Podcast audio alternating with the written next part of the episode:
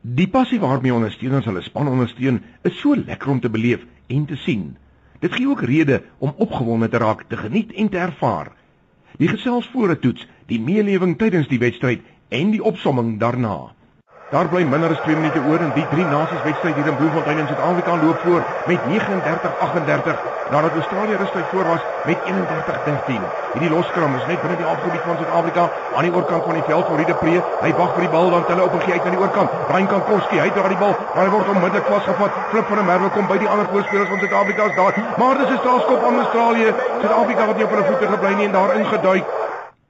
Griffie Beal Hy sien gereelde skopper nie, dis 'n skop van by die 50 meter, 5 meter van die oorkant se kantlyn en 2 meter binne Suid-Afrikaanse halfgebied.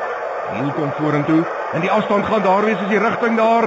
Ja, hy's tussen die palle deur en Australië wen die toets met 41 punte teenoor 39. Elke sportman en vrou neem deel om te wen.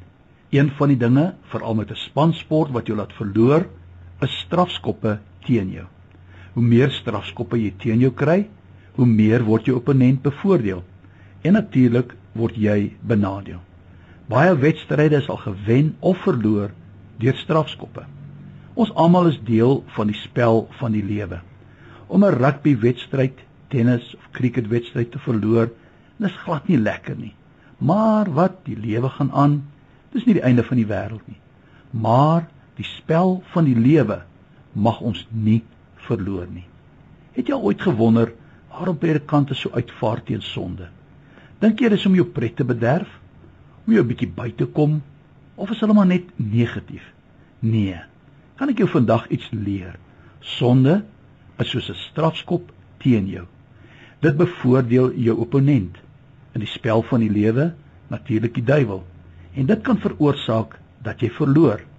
Daarom sal jy hoor ons praat oor sonde, want ons wil onder geen omstandighede hê jy moet verloor nie. Sou dit nie wonderlik wees as die skeieregter 'n strafskop teen jou span gee en iemand kom op die veld en sê: "Meneer die skeieregter, ek sal die strafskop vat." Die skeieregter blaas weer op sy fluitjie en sy verander sy beslissing en gee dit nou teen daardie persoon wat op die veld gekom het. Weet jy, dis presies wat Jesus gedoen het. Hy het na die mens gekom wat besig is met die spel van die lewe en al die sonde en al die strafskoppe teen ons weggevat. Die goeie nuus is dat ons opponent het geen voordeel meer teen ons nie.